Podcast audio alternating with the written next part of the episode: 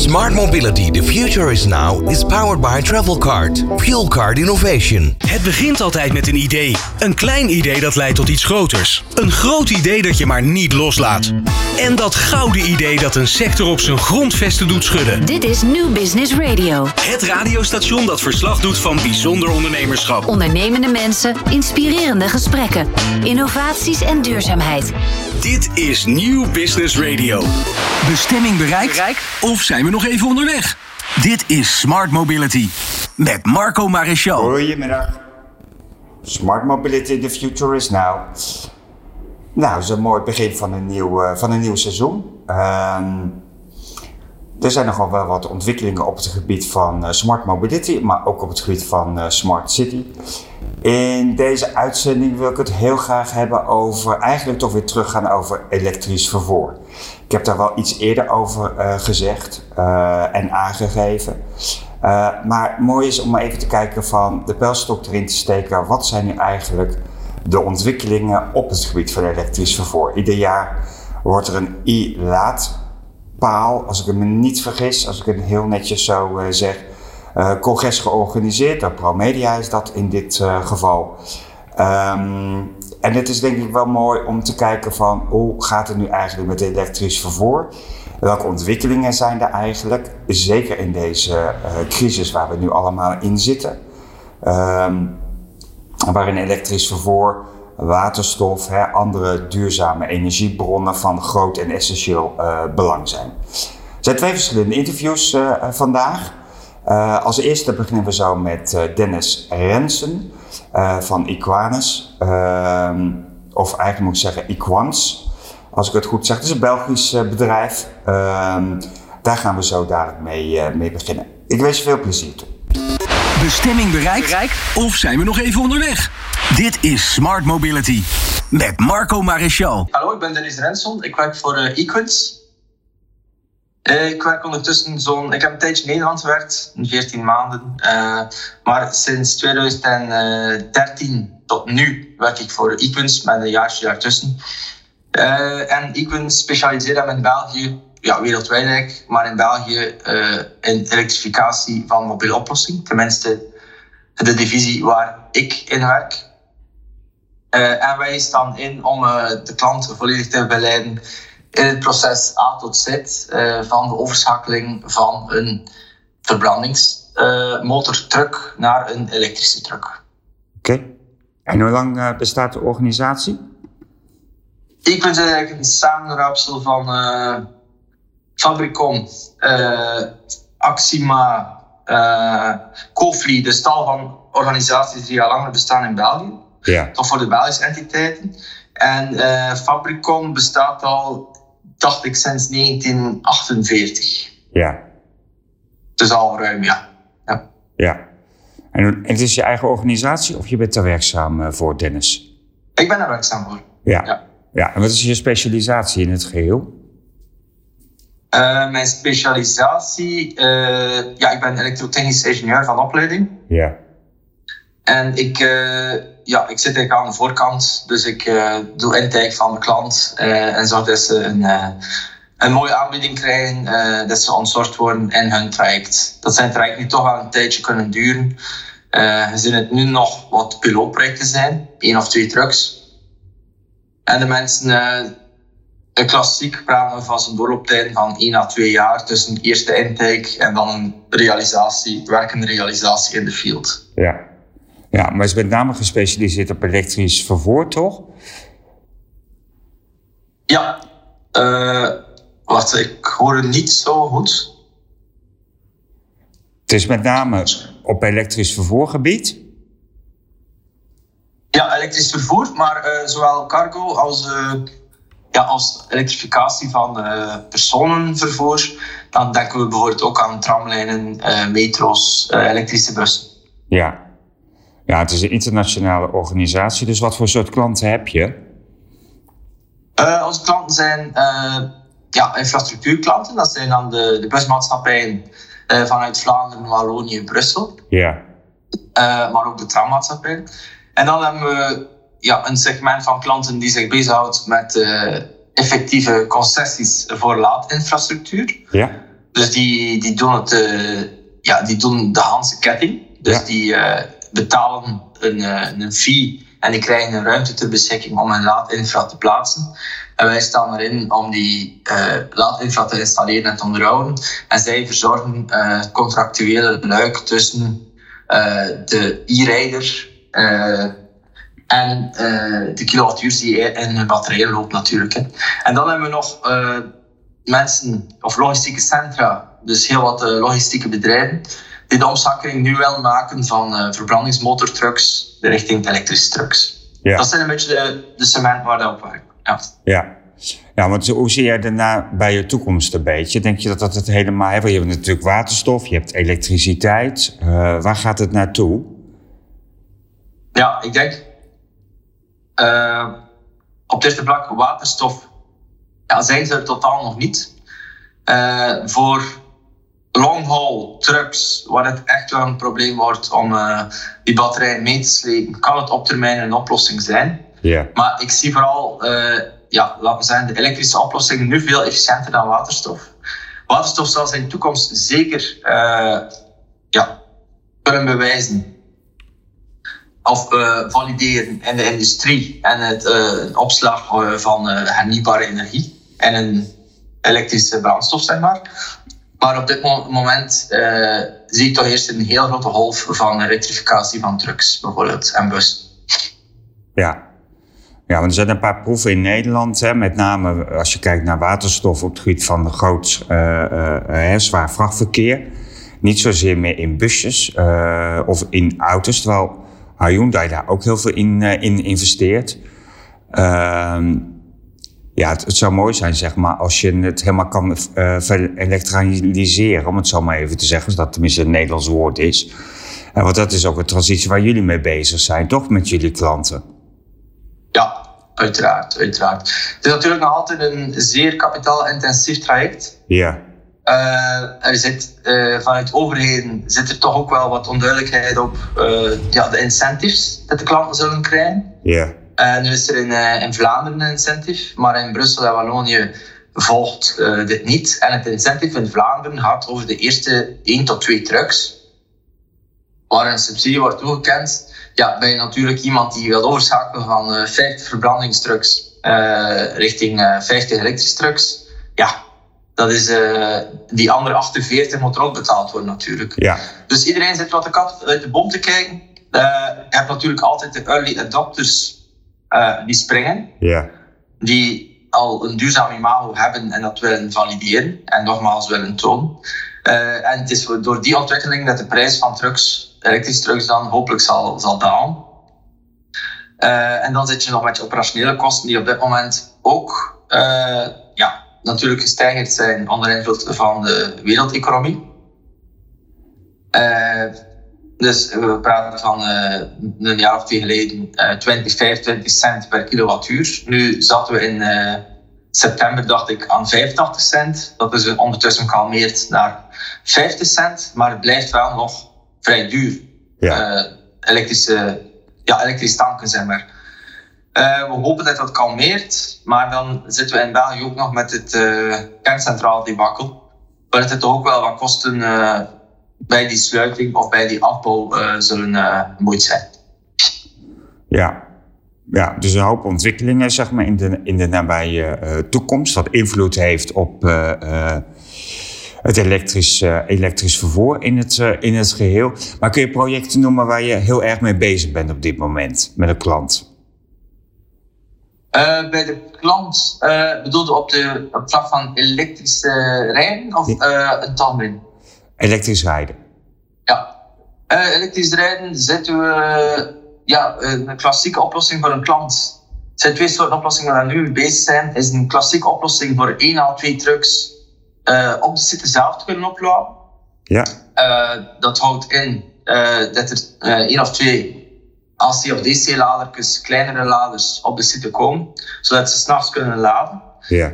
dat is type 1 oplossing. Type 2 oplossing uh, zijn de eerder de snelheidspleinen. Of uh, voor een truck is dat dan ja, medium laadpleinen. Ik zal het zo zijn. waar er dus ook externe mensen kunnen komen laden. En daar praten we dan al op van een, een vermogen richting 1 à 2 megawatt of meer zelfs. Dus tussen type 1 en type 2 is er wel een serieus verschil. type 2 vraagt ook een serieuze inspanning van de netontwikkeling.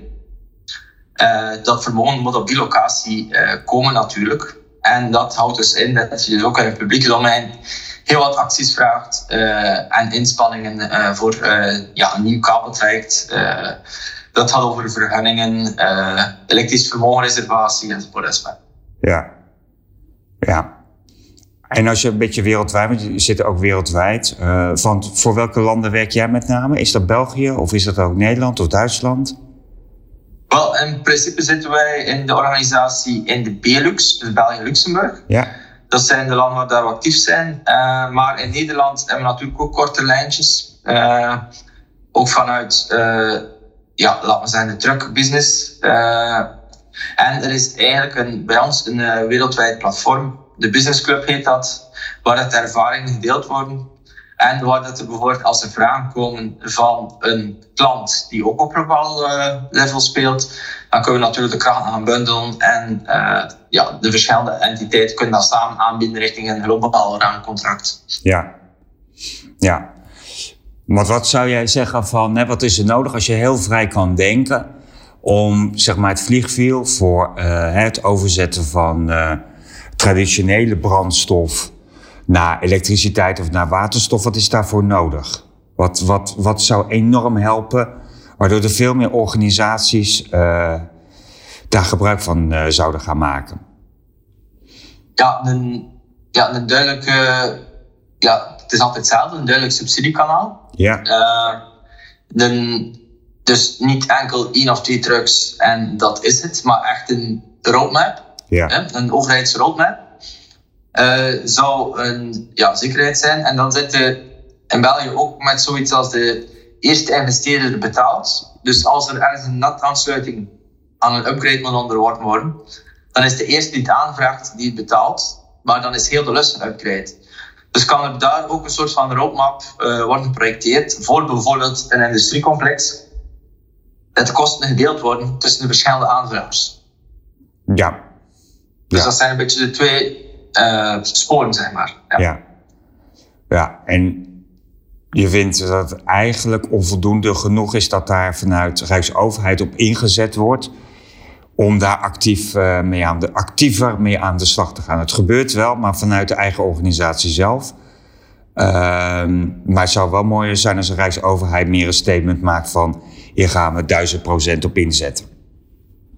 Ja, een statement en een, uh, ja, een duidelijke uh, zijn toekomstplan van waar dat zij kunnen ontzorgen en waar dat zij kunnen meehelpen met ja, de logistieke bedrijven, zeg maar. Dat is een belangrijke.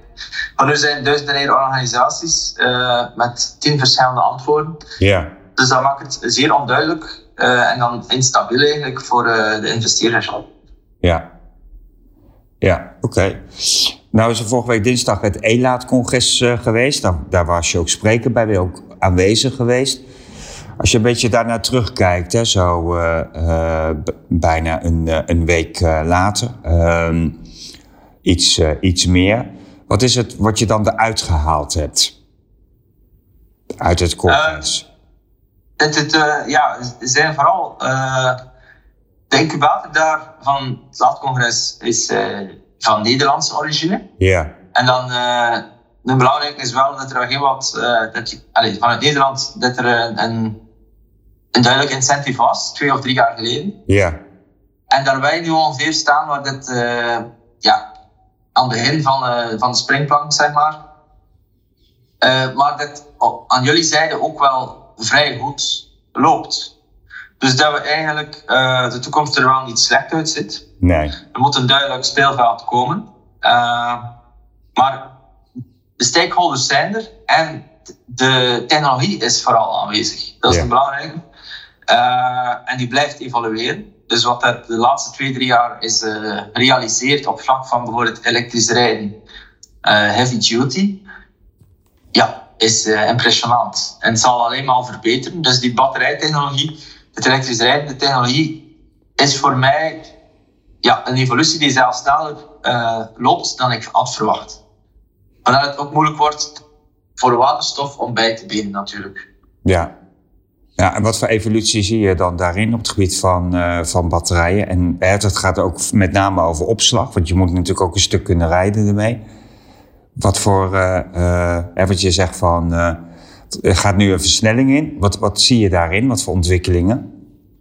Wel, de, de hoofdontwikkelingen zitten inderdaad op de efficiëntie, de brandtruk-efficiëntie zeg maar, uh, van de batterij. Dus een truck uh, wordt efficiënter. Het, het, uh, de omzetting tussen de batterij en het mechanische energie op de as wordt efficiënter. Maar ook de omzetting van de elektrische energie richting opslag in de batterij wordt ook efficiënter. En een belangrijke, die wordt ook sneller en sneller. de de overzet, de, dat is zeer belangrijk voor het lange termijn rijden, de long hauls, meer dan 300, 400 kilometer, dus richting de 1000 kilometer. Het, het, het, is zo, dus richting een, uh, een regime gaan, dat er 4 of 5 uur wordt gereden, dat er dan een verplichte stop is van 45 minuten, en dat er binnen die 45 minuten de batterij volledig kan opgeladen worden. Ja. Met de laadtechnologie en de truck. Het knelpunt daar is nog steeds ja, oké, waar kan je dat? Ja. Dat is belangrijk. Ja. Ja. Dus je zou ook veel meer van dat soort punten moeten hebben in het land zelf. Uh... Ja. En de punten, allez, als je nu zegt we gaan die punten plaatsen, uh, dan binnen een half jaar staat de infrastructuur te plaatsen. Ja. Uh, maar het vermogen moet ook ter plaatse komen. Ja. En dat, dat is bij ons nog de bottleneck, zeg maar. En ik denk in Nederland dat dat, dat eigenlijk niet veel anders is. In sommige regio's is het uh, management ook, ja, zit het ook in een congestie, uh, dacht ik. Ja, nee, dat klopt. Dat klopt. Kijk, als je kijkt naar de discussie, is de bekabeling. Eh, aan de ene kant de bekabeling, maar aan de andere kant ook de toevoer van de elektriciteit. zijn wel twee bottlenecks op dit moment. Want dat hapert ook gewoon. Ja, Klopt, klopt. Uh, maar oké, okay, uh, ik versta ook dat dat een enorme uitdaging is uh, voor de netbeheerders. Maar dat is iets dat we samen moeten aanvliegen. dat, dat raakt ook wel opgelost. maar het zal wat tijd en geld kosten natuurlijk. Ja, ja, ja precies. Want hoe zie je de, de toekomst? Hoe ziet het eruit? Als je een beetje naar 2040 toe gaat, wat, wat, wat is dan je verwachting? Uh, ik denk dat er nog altijd een, uh, een mix zal zijn. Ja. Al dan niet nog met een verbrandingsmotor. Uh, hopelijk niet met fossiele brandstoffen. Dan voor de standaard denk ik dat je elektrisch zal rijden voor je cargo. Wordt het zwaarder, worden de trajecten langer. kan het zijn dat, dat er toch een waterstofoplossing wordt ingezet. Ja. Dus het zal een mix zijn. Het zal een mix zijn waar het uh, waterstof een grote buffer kan spelen voor hernieuwbare, als een, een vloeibare batterij, zeg maar. Uh, maar richting 2040 zal het zeker een mix zijn. En verder dan 2040 kijken durf ik zeker niet. Nee. Nee, dat snap ik. Maar vloeibaar zeg je ook. Sorry, dat, dat ik niet meer heb. Uh, vloeibaar ook, heb je gezegd. Ja, hopelijk. Ja, ja vloe Allee, vloeibaar. Ik zie altijd toch gewoon als een drager, een zo compact mogelijke drager. Een batterij dat kan overpompen of over, ja, door een compressor gaan. dat is een belangrijke. niet alles zal een vaste batterij zijn. Nee. Maar een mobiele batterij is voor mij ook belangrijk natuurlijk. Ja. Ja, want wat kun je doen met een mobiele batterij?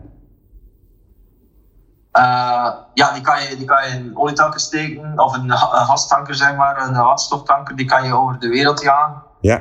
Uh, ja, en die kan er overal, uh, los van, van de truck zelf. Ja, precies.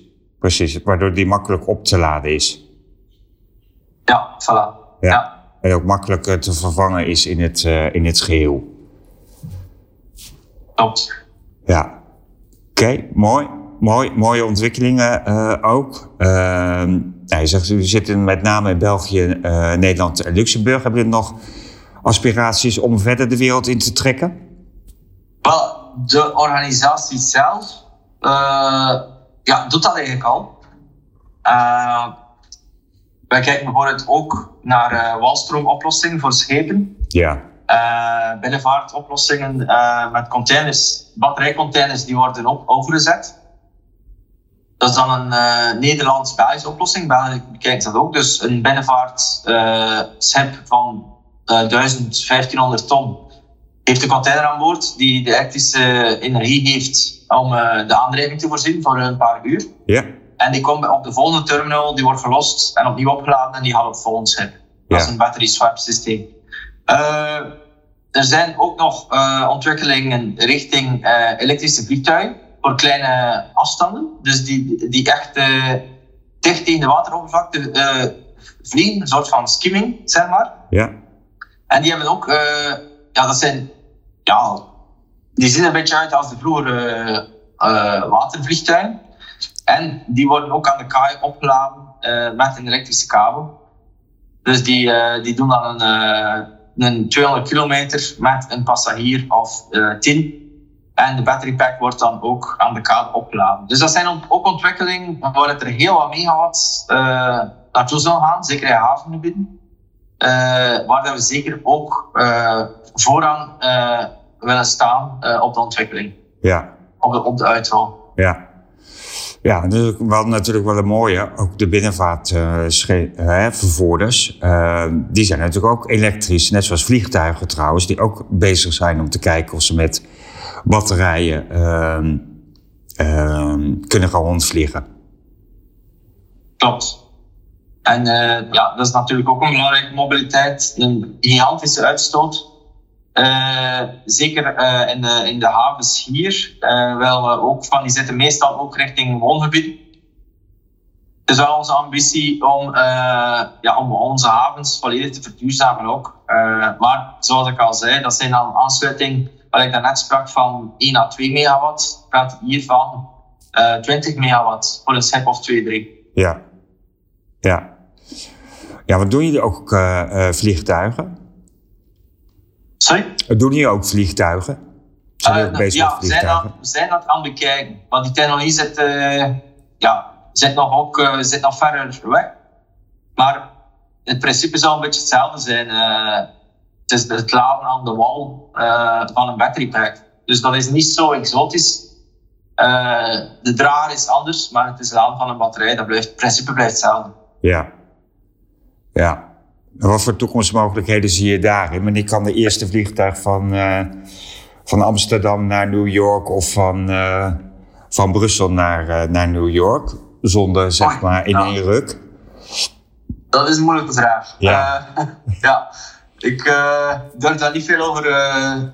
Ja, ik, ik zie nu enkel trajecten, realistische trajecten van een paar honderd kilometer. Ja. Maar oké, okay, dat is ook al een, een zeer belangrijke markt. Hè. Ja. de transatlantisch, ja, dan, daar durf ik echt niet over uitspreken. Ja. Nee. nee, want hoe ver zou een vliegtuig kunnen komen nu? Een paar honderd kilometer, zei je. Ja, paar, tussen de 200 à 300 kilometer afhankelijk van de cargo. Ja. ja. Maar dat, dan praten we echt van uh, kleinere vliegtuigen, type Cessna. Uh, ja. ja. precies. Niet, niet de grote ja. Boeings. Nee. Nog nee, niet, ja. nee, nog niet. Nee. Ja. Nou, ik weet in ieder geval dat Qantas was er wel mee bezig geweest hè, met elektrische uh, vliegtuigen en vervoeren ook. Uh, een van de vliegtuigmaatschappijen die uh, denkt van nou, misschien kunnen we daar wat, wat mee. Maar het zijn in ieder geval wel, wel mooie ontwikkelingen. Als je kijkt naar elektrisch vervoer en naar waterstof, kan je een aantal dingen zeggen. Hè? Om echt het vliegwiel aan te zwengelen, is een stukje subsidie ook gewoon nodig. En een statement vanuit de Rijksoverheid uh, om daarop in uh, te zetten. Maar het is ook wel mooi dat, dat hè, want het moet ook ergens betaald worden, dat het bedrijfsleven voor de partijen en organisaties die met name, wat je toen net zei, ook duurzaamheid hoog in het vaandel hebben staan dat die ook al nu alvast, de innovators, alvast het initiatief daarin, daarin nemen. Dus dat is, het is in ieder geval een begin om daarover na te denken, daarmee aan de slag te gaan. Klopt. En uh, natuurlijk een publieke opinie moet ook mee zijn. Maar die, uh, ik heb toch een indruk dat er weinig media-aandacht wordt gegeven aan dergelijke oplossing. Ja. Uh, dat is dan mogelijk niet interessant genoeg, ik weet het niet. Maar het is wel een belangrijk, hoe meer buzz je creëert natuurlijk daar rond, ja, hoe, hoe, rapper en hoe meer de mensen allemaal in dezelfde richting kunnen kijken. Hè. Ja. Nu wordt het nog een beetje ja, stiefmoederlijk behandeld heb ik het gevoel soms. Je vindt het niet volwassen genoeg? Wel, uh, ja, iedereen kijkt gewoon naar ja, wat er logisch is. Iedereen kijkt naar zijn portefeuille. Ja. Maar toch komt toch mensen meer met elektrisch te rijden. Dus ja, ik vind het inderdaad nog niet volwassen genoeg. Uh, in die zin dat er, ja, er moet wat meer bussen gecreëerd worden. Uh, richting het elektrisch rijden. Ook voor ja, de eerste, dat we zijn de overheden, die moeten zelf dat ook gaan invoeren. En dat komt er wel aan. de belangrijke incentives voor bijvoorbeeld mensen die transport doen in de steden, is dat er op termijn ook ja, enkel elektrisch toegang wordt verleend aan trucks. Dat is een heel belangrijk. Ja. ik zou ze ook graag binnen x aantal jaren, of volgend jaar bijvoorbeeld, terugzien en de aanbestedingen voor uh, de overheden. Dat er ook niet meer uh, met verbrandingsmotors wordt rondgereden voor overheidsdiensten. Nee. Dat is ook belangrijk. Nee. Het allemaal een beetje over snelheid en ja, de focus zijn. Ja. Want wat denk je nu dat het percentage is ongeveer zeg maar, van elektrische trucks? Hoeveel ah. rijden er rond? Is dat 10%, 20%, 5%? Nee, nee, nee. Kijk, uh, op dit moment, hoeveel zijn er inschreven voor een jaar? Uh, ik durf het niet zeggen, uh, maar het zijn er, het zal zeker, ik denk dat je nog niet aan een procent zit. Nee. Nee. Nee. Dus er ja, 23 zal het wel wat uh, uprampen, maar dat zijn ook pilootprojecten. Dus het zal maar 25, 26, 27 zijn. Het echt zal komen. Ja. Maar ja, 22 was ook een zeer ja, rommelig jaar, zeer chaotisch jaar voor in de transport. Hè. Uh, Dus het was net het slechte moment, hè. met de brandstofcrisis ook. Ja, nee, klopt. Het werd natuurlijk ook allemaal duurder, sowieso ook. Het is, zeker dit soort investeringen uh, is ook natuurlijk hartstikke duur. Uh, zou, wat, wat zou je tot slot even mee willen geven aan de luisteraars? Ja, probeer u, als er vragen zijn, te informeren bij de juiste mensen. Uh, en trek geen conclusies alvorens je alle informatie hebt. Er wordt nog altijd. Ja, de deuren gaan snel toe op elektrisch rijden, omdat er heel wat disinformatie is. Ja. dus een belangrijke is informeer je en denk ook verder dan volgend jaar. Want hoe dan ook kom, komt de toekomst eraan. En als we het allemaal samen doen, zal het op termijn ja, goedkoper zijn en uh, slimmer zijn als maatschappij. Dat is een mooie statement. Dankjewel Dennis voor dit uh, interview uh, vanuit België. Ehm, succes in de komende periode. en dankjewel voor het meedoen. Ja, graag gedaan hoor. Bestemming bereikt? Bereik? Of zijn we nog even onderweg? Dit is Smart Mobility met Marco Maréchal. Voor de luisteraars die het vorige stukje even gemist hebben, we hebben toen net Dennis uh, aan het woord gehad van Equans. Uh, een internationaal bedrijf, uh, met name werkzaam in België, Nederland en Luxemburg. die in is gegaan op elektrisch vervoer, met name ook in België, vrachtvervoer. Uh, maar ook gewoon kleinere uh, personenauto's, zoals uh, jij en ik die, die hebben. We stappen nu over naar Catharine. Catharine heeft speciale doktoren ehm, die voor haar werkzaam zijn, die met name kijken naar accu's en hoe kunnen we accu's een tweede leven geven. Dus duurzaamheid, circulaire economie zit er allemaal in. Ehm, ik denk een mooi begin en zeker waardevol uh, om daarvoor te zorgen dat uh, accu's een tweede leven beschoren blijven. Uh, als we dat nu allemaal zo doen op deze manier, dan hoeven we ook geen nieuwe grondstoffen te delven. Dan kunnen we gewoon gebruiken datgene wat te oud is en weer hergebruiken. je hoort er zo van alles over met Catharine. Bestemming bereikt? Of zijn we nog even onderweg? Dit is Smart Mobility met Marco Maréchal. Ik ben Catherine Leenaerts. Ik ben sinds 2001 directeur van Febel Auto. Febel Auto is het beheersorganisme in België en Luxemburg van de afgedankte voertuigen. Uh, en ook sinds 2016 van de batterijen van de elektrische voertuigen. En dus uh, meer dan 20 jaar nu uh, zamelen we dus die afgedankte voertuigen in, hè, met 111 bedrijven. Ja. En voor de batterijen zijn we zelf operationeel ook geworden, omdat er in de markt weinig partners waren met uh, ervaring en zin om, om uh, die, die batterijen op te halen. En dan hebben we zelf ook nog een ander bedrijf opgericht, What Forever waar ik dan deputy CEO van ben. Uh, en die batterijen van elektrische auto's ombouwt naar energieopslagsystemen. Circulaire energieopslagsystemen, dus batterijen die een tweede leven krijgen ja. om bijvoorbeeld voor supermarkten energie, zonne-energie op te slaan, zodat de frigo's ook s'nachts kunnen draaien op die zonne-energie. Ja, nou, hoe kom je bij het idee? Wat is je eigen bedrijf? Nee, we hebben dat opgericht, dus Female Auto. Het ene bedrijf is aandeelhouder bij What Forever. Hè? Ja. En, uh, maar hoe kom je erbij? Ja, we, wij hebben toen ook een rondje in de markt gedaan, gezocht wie kan en wil uh, Second Life doen van die batterij. Wie wil die batterij hier ombouwen? En uh, we hebben echt gezocht en niet gevonden, dus dachten we, ja, dan moeten we het zelf doen. En ja. dan hebben we via een aantal partners know-how gezocht.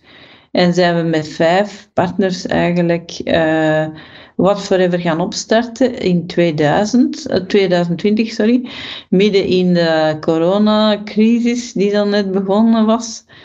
Uh, dus we hebben daar toch ook al wat uitdagingen gehad. Maar we hebben ook een aantal mooie realisaties al gekregen, gedaan bij What Forever waar dat we dan ook fier op zijn dat we dat echt in de wereld kunnen zetten, het, het ombouwen van elektrische batterijen naar energieopslagsystemen.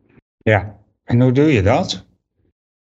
Ja, dat is niet zo gemakkelijk eigenlijk. nee, precies. Gelijk technisch duidelijke vraag. Ja, dus je moet eerst uh, zorgen dat je batterij binnenkrijgt, uiteraard. Hè? Dus uh, ja. dat is dan via Febelauto dat we dus toch uh, voor 60 automerken uh, die service verlenen. En dat we dus batterijen gaan ophalen, ofwel in hun centraal punt, ofwel bij de concessiehouders, de garages zelf. En dan uh, brengen we die op een centrale plaats. Dan gaan we eerst en vooral die in een quarantainezone bewaren om te kijken dat ze stabiel zijn en, niet, en uh, veilig. En dan gaan we ze openmaken. En dan gaan we dus de casing van de batterij eraf halen. Dan gaan we die modules testen. En kijken of dat die nog gezond zijn. Dat zijn onze battery doctors die dan eigenlijk de state of health, hè, de gezondheid van die modules gaan bekijken. En als die nog een goede state of health hebben, 80%, 90%, dan uh, gaan we die um, ook nog eerst nog een tijdje stockeren totdat ze een goede voorraad hebben van datzelfde soort modules. En dan gaan we een serie circulaire batterijen gaan bouwen met know-how die we eigenlijk zelf opgebouwd hebben, die vrij uniek is. En know-how ook, uh, een van onze partners is een Nederlander die veel ervaring, jaren eh, heeft gehad met het ombouwen van boten elektrificeren van boten. En dus uh, vanuit daar, uh, vanuit die kennis, bouwen we dan uh, andere stationaire energieopslagsystemen, die we dan meestal, dus dat is een combinatie van verschillende functies, die die batterij moet kunnen, wat, naar gelang wat de klant wil, uiteraard. Hè. En, dan, en dan, eens dat het product af is, dan brengen we het naar de klant. Dan testen we het natuurlijk nog. En dan gaan we ook zorgen dat als er een module begint minder goed te functioneren, we kunnen dat van op afstand zien, dan uh, gaan we die module komen vervangen. Oké, okay, en over hoeveel modules hebben we het? Hoeveel halen jullie op? Hoeveel... We hebben vorig jaar een 35 uh, ehm, batterijen gebouwd, ja. groot en kleintje samen. En we hopen dit jaar een eh 5 megawattuur batterijen te bouwen. Ja, Ja. ja. Want je hebt Dus, over een dokter. Ja, maar dat kan dus. ehm pak dat we vijf grote batterijen bouwen of 50 kleinere batterijen. Allee, dus dat, dat kunnen we nu nog niet voorspellen welke soort batterij dat we gaan bouwen. Waarschijnlijk ook weer een mix van hele grote en kleintjes en middelgrote. Maar onze specialiteit ligt toch wel meer in de business, eh, naar de business toe. Eh supermarkt eh, die dieselgeneratoren willen vervangen ook werven die emissievrij willen bouwen enzovoort. Daar eh, leveren containerized batteries aan en zo. Dus dat is een beetje de doelgroep voor batterijen. Voor Ja. onze circulaire batterijen. Omdat je dan echt wel ook een circulair verhaal hebt. De klant bespaart er 80% CO2 mee ten opzichte van een nieuwe batterij. Ja. Ja, ja, precies. Ehm, dus dat is de doelgroep. Is dat met name in België of niet? Of zijn er ook nog andere landen? Nee, wij, wij werken vandaag, de Belgische markt is eh, nu zelfs al een beetje klein geworden. Wij werken in België, Nederland, Frankrijk, wat was er nog? Duitsland, Portugal, Griekenland voorlopig. Dus, maar ja, we kunnen overal. Het project nu, een heel leuk project om eh, in Afrika eh, met technische scholen eh, echt complete energy units op te bouwen Ja, voor de scholen, zodat die scholen kunnen hun leerlingen ook opleiden en dat ze genoeg elektriciteit hebben om hun leerlingen technische opleidingen te kunnen geven. Hè? Mhm. ja precies. Maar dat is niet de bedoeling dat we onze batterijen naar Afrika exporteren, maar als er zich een mooie kans voor doet om zo'n project, een duurzaam project, mee te, eh, te sourcen, dan zijn we er graag bij. Hè? Ja, ja, precies. Ik kan me ook voorstellen dat er ook genoeg accu's zijn in, eh, in Afrika waar je gebruik van eh, kan maken, toch? Maar Wat in Afrika, hebben, we- ja, in Afrika hebben we voorlopig de batterijen die daar in omloop zijn, zijn niet zozeer die lithium herlaadbare batterijen, eerder loodstartbatterijen. En loodstart is onze specialiteit niet, dat is een totaal ander business. Dus eh, we zien nog niet zoveel elektrische voertuigen in Afrika. Dus wat wij echt gebruiken zijn die batterijen van de elektrische voertuigen, dus lithium herla- herlaadbare lithiumbatterijen. Ja. Ja. En hoe kom je aan de batterij die afgedankt worden? Wel, uiteindelijk, dus je via- moet natuurlijk die voorraad hebben. Ja, via Febelauto hebben we dus. eh, zorgen we eigenlijk dat dus onze invoerders in België en Luxemburg compliant zijn met eh, de regionale wetgeving. En zorgen we dus, bieden we hun dus een eh, scala van diensten aan. We kunnen voor hun de logistiek doen, de inzameling, het second life en de recycling. En tussentijdse opslag. En naar gelang hun optie kiezen Ja. zij wat ze willen. En de meerderheid van die merken zegt, voilà, Febelauto, eh, wij hebben daar geen tijd of logistiek voor, dus doe maar alles voor ons en zorg voor de beste oplossing. Second life, recyclage en eerst uiteraard de inzameling. En dan eh, op die manier geraken we ook aan die batterijen. Ja. Ja, precies. Want je moet wel voorraad hebben. Want uiteindelijk gaat het over de circulaire economie. Dat je de batter afgedankte batterijen zeg maar, eh, eh, ook ontvangt. Ja. Om ze daarna te verbeteren. eh, middels, ik vond het wel grappig. Je hebt doktoren in huis. die je dingen gaan onderzoeken. en vervolgens inderdaad ervoor zorgen dat het een soort van second life heeft. Ehm, om het daarna weer door te verkopen. Maar met name, dus dat vind ik wel interessant. Het is niet zozeer, maar misschien ook wel eens even een vraag, Catharina. ehm, voor, eh, nu voor supermarkten, maar misschien ook wel terugleveren weer aan de eh, automobielindustrie. Ja, Automotive. absoluut. Kan Ja. ook, absoluut. Kan ook. Eh, ik denk dan aan de functie van bijvoorbeeld als een invoerder of een dealer een aantal superchargers op zijn site wilt zetten, dan Mhm. heeft hij twee opties. Ofwel zijn elektriciteitskast versterken, ofwel eh, extra vermogen opbouwen. En dat kunnen we door energie te bufferen in die circulaire batterij, zodat er genoeg is om die superchargers te, te laten auto's laden.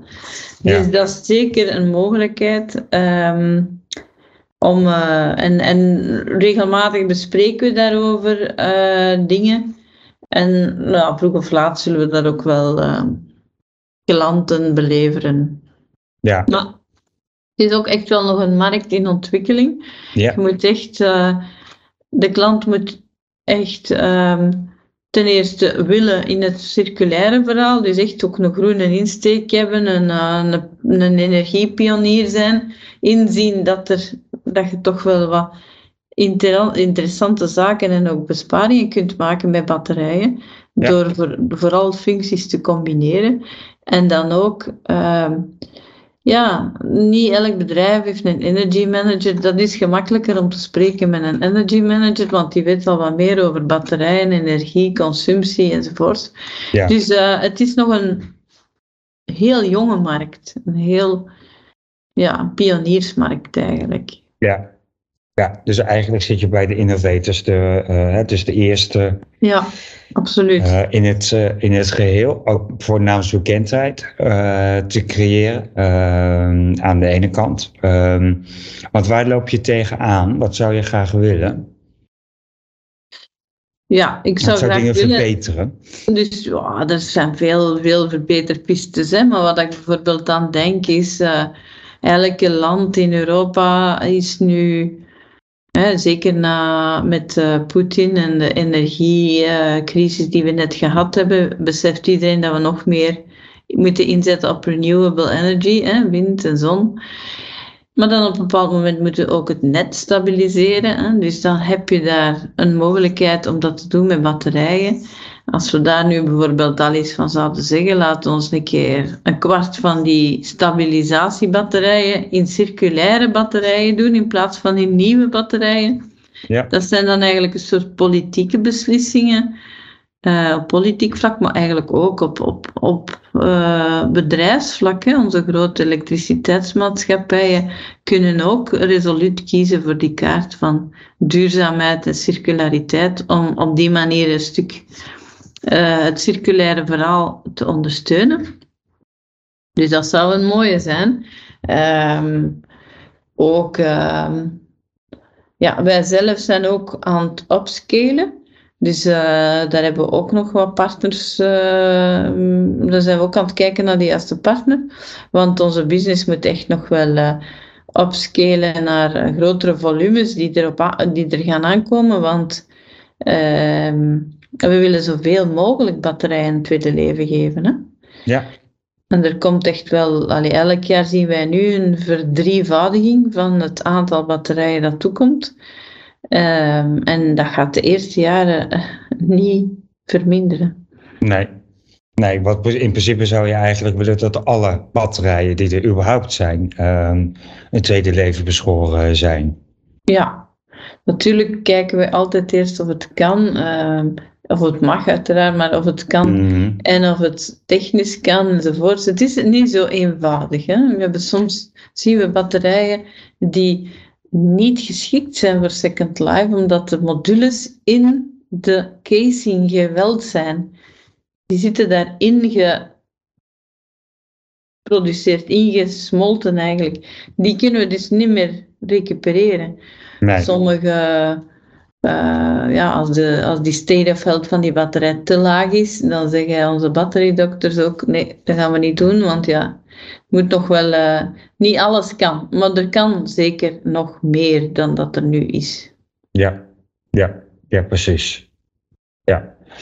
Ja, want er zijn voorlopig nog gebonden zeg maar, aan deze uh, batterijen. Er zijn wel wat, wat nieuwe ontwikkelingen daar, daarin. Je vorige week ben je bij het congres geweest. Wat heb je daar een beetje opgehaald voor jezelf?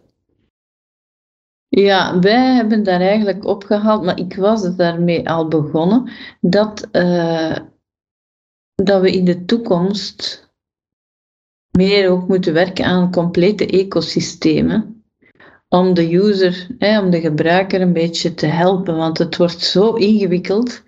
Dus je hebt een elektrische auto, maar dan moet je hem goed kunnen laden.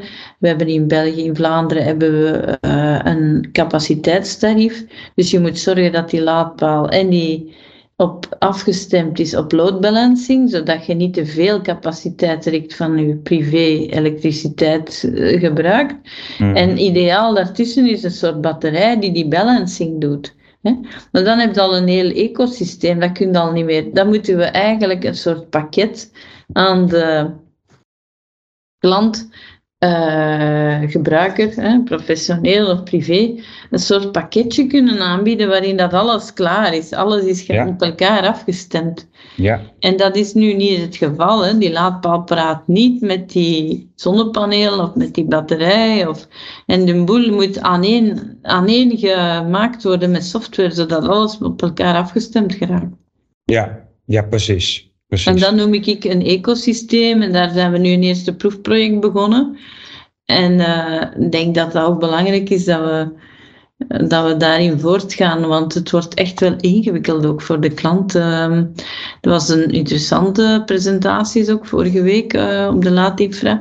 Maar ehm, ja, je voelt ook dat het ingewikkelder en ingewikkelder wordt. Hè? Maar er is zeker een functie voor batterijen. Hè? ja. Eh, in elke presentatie werd het woord batterij uitgesproken.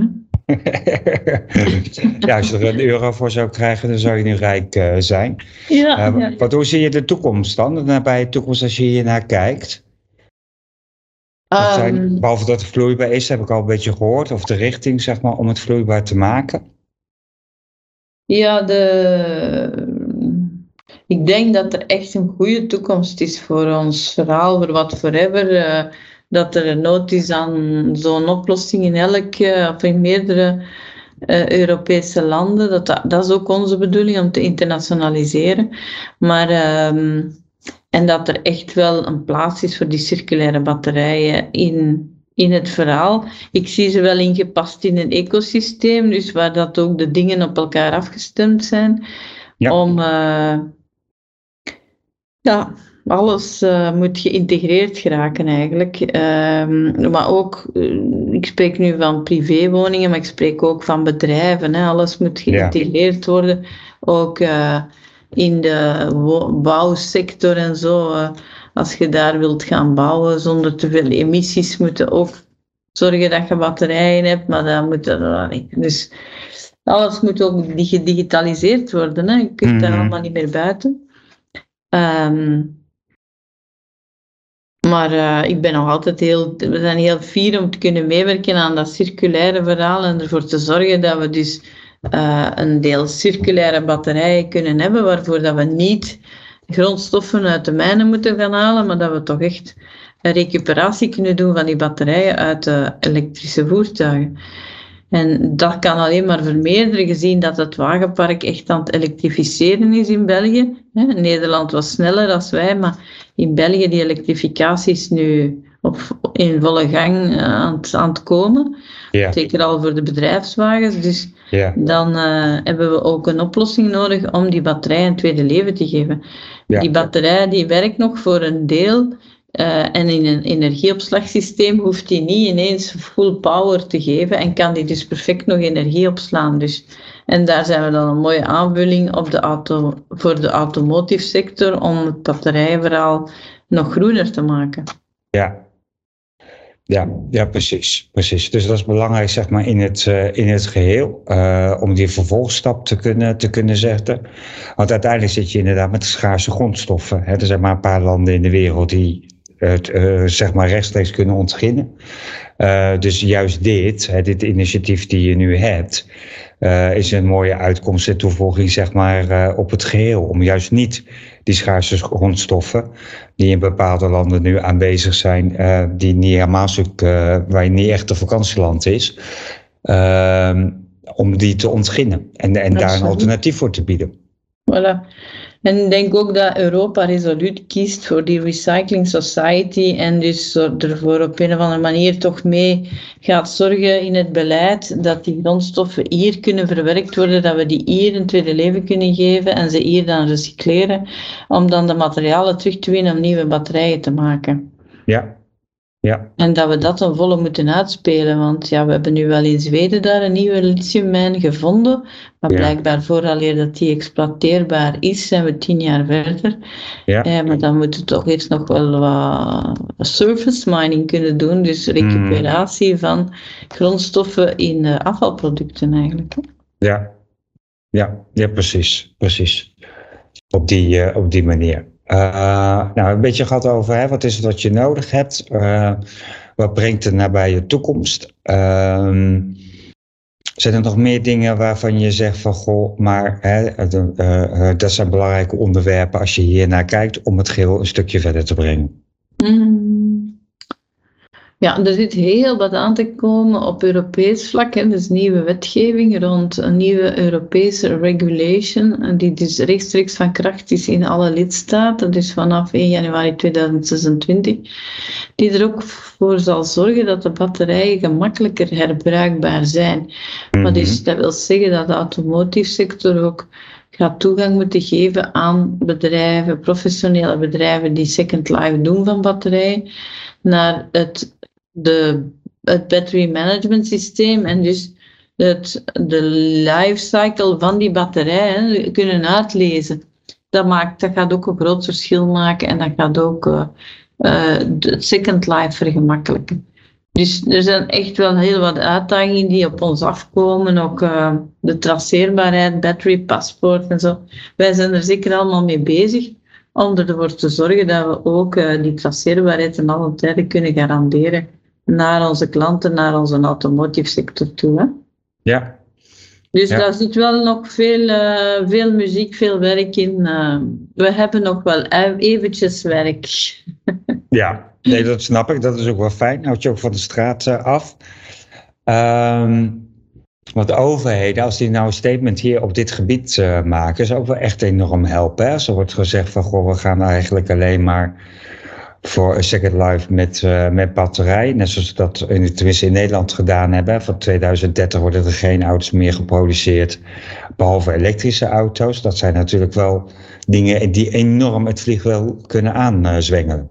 Absoluut, ja. Hier in België ook hebben we de bedrijfswagens die moeten vanaf, vanaf 2025, denk ik, mag, eh, mogen geen stekkerauto's meer verkocht worden als bedrijfswagen. Nee. Dus eh, dat gaat ook hier enorm aanzwengelen, want we hebben hier een heel groot eh, bedrijfswagenpark, een soort fiscale redenen. En dus dat gaat zeker het, de batterijenbusiness doen bloemen. Ja. Ja, precies. ik. Ja. maar dus de automotive-industrie, supermarkten, nog, nog andere partijen, behalve iedereen die een eh, batterij heeft. Maar waar, waar denk je dan aan? Ja, like ik zei, hè, werven. Dus ehm, ik denk dat jullie in Nederland daar al zelfs een norm rond hebben, rond emissievrije werven. Hè, dus geen uitlaatgassen op werven. Dus kranen die Sommige, elek- Sommige grote kranen die Ja. elektrisch moeten bediend worden. Nu, daar staat nog heel veel prijsdruk en zo op. Maar ook daar Ja. denk ik dat er zeker eh, klanten gaan komen. En hebben er ook al een aantal eh, mee bezig zijn we. Om hun dus inderdaad eh, grote batterij te leveren. Om te kunnen grote bouwwerven te doen zonder emissies. Op basis van elektrisch bouwmateriaal. in plaats van ja, ook weer... fos- iets materiaal dat werkt op fossiele brandstoffen. Dus, maar er is zoveel dat op fossiele brandstoffen werkt. Dus de generatoren, de dieselgeneratoren vervangen, dan hebben we de, ja, dus die balance, balancing voor het elektriciteitsnet, eh, ook een belangrijke functie. Goh, de markt is heel groot hoor, voor batterijen. Ja. En dus per definitie natuurlijk ook voor die circulaire batterijen. Hè. Mhm. Ja, want je bent nu eigenlijk van een start-up een beetje naar een scale-up aan het gaan. Je hebt investeerders nodig. Wat zoek je voor investeerders? Oh, we hebben een paar heel interessante eh, afspraken de komende maanden. Ehm en liefst ook een investeerder waar dat er een synergie mee is. Zeg maar iemand die inderdaad dieselgeneratoren produceert, waarvan dat de klanten zeggen, oh, wij hebben vandaag eh, ook wel iets anders dan een dieselgenerator nodig. Waar Ja. wij eigenlijk niet, niet zo goed in zijn, is een, eh, die sales, dus iets met een, een, sterke salesforce in hetzelfde segment als wij zou ideaal zijn, een ideale combinatie. Oké. En waar denk je aan? Wat voor soort partijen? Ja. Radio-uitzending, hè? Grijp je kans. ja, bijvoorbeeld een producent van dieselgeneratoren of iemand die energie levert. Uh, wij, doen ook battery as a service. Hè? Dus ja, wij geven ook. Dus iemand die uh, energy as a service, alle maatschappijen die energy as a service leveren, ja, die kunnen we dan ons stuk van het verhaal mee volmaken. Hè? Dan kunnen wij de battery as a service geven. Ja. Dus um, die combinatie lijkt me wel ideaal. Maar er zijn vele combinaties mogelijk, uiteraard. Hè. Ook, ja. uh, ook uh, een battery recycler die ook naar zijn automotive klanten ook het second life moet aanbieden, is ook een ideale combinatie. Hè. Ja. ja, precies. Even tot slot van, uh, van, dit, uh, van dit gesprek. Ehm, wat zou je nog kwijt willen? Of welke oproep zou je willen doen? Of um, wat denk je aan? Ja. Wat vind je nou nog super belangrijk? Ah, mijn oproep zou zijn: iedereen die een batterij koopt, denk na of je niet beter met een circulaire batterij gediend bent. Dankjewel voor dit interview. Uh, super. Uh, hartstikke mooi om te horen dat ook hierin zeg maar, de circulaire economie uh, voortgang vindt. dankjewel voor je tijd. Ja, dank je Marco. Bestemming bereikt? bereikt? Of zijn we nog even onderweg? Dit is Smart Mobility met Marco Maréchal.